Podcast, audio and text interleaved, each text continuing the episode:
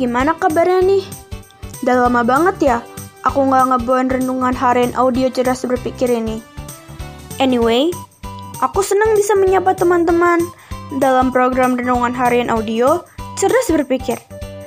Melalui renungan harian audio ini, aku berharap pikiran kita semua semakin diisi oleh kebenaran firman Tuhan. Nah, hari ini aku mau ngebawain renungan yang judulnya set fishing. Set fishing adalah tren curhat di media sosial yang berlebihan sebagai usaha untuk menarik perhatian dan simpati orang lain.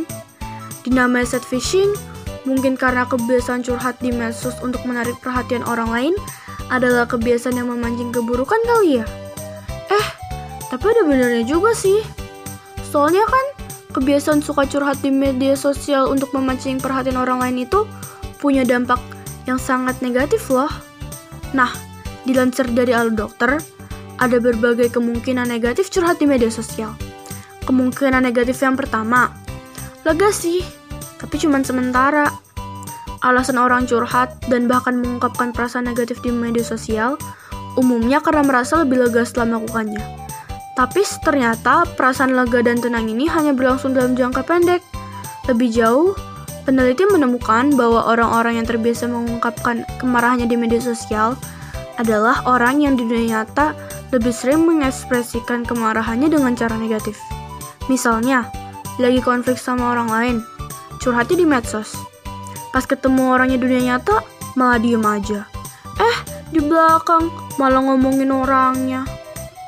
Kemungkinan negatif yang ketiga, ada orang yang sering curhat di medsos tentang hal-hal di sekitarnya, termasuk sekolah atau lingkungan terdekatnya.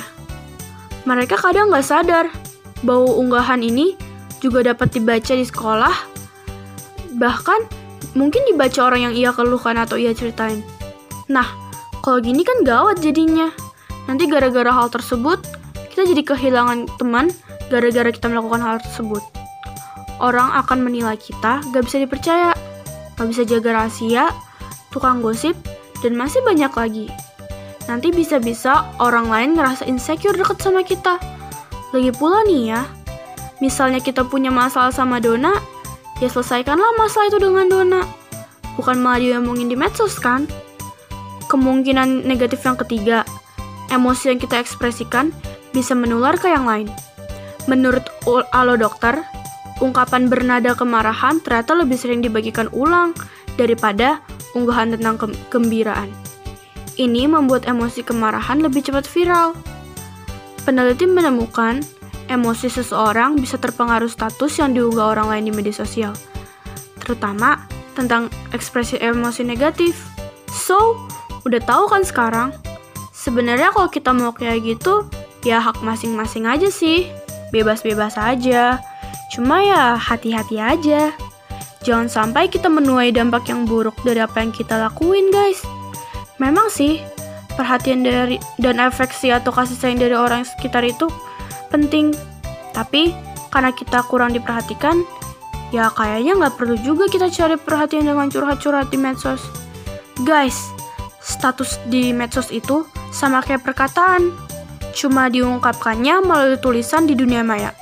Soal, soal menjaga perkataan atau menjaga lidah, Rasul Petrus pernah bilang gini dalam 1 Petrus 3 ayat 10.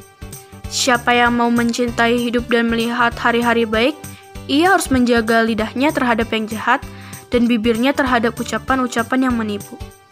Nah, jadi ayo kita sama-sama menggunakan medsos bukan untuk cari perhatian, tapi untuk menyebar kebaikan. Nah, sekarang mari kita sama-sama berdoa yuk. Ya Tuhan, sekarang kami sudah selesai mendengarkan renungan harian ini. Bantulah kami supaya renungan ini dapat menjadi berkat bagi kami semua, supaya dapat menjadi berkat bagi kehidupan kami, dan tentunya kami tidak mendapat pengaruh buruk dari media sosial. Terima kasih ya Tuhan Yesus, kami sudah berdoa. Haleluya, amin. Oke, tetap sehat, tetap semangat, tetap jadi berkat. Tuhan Yesus memberkati. Dadah!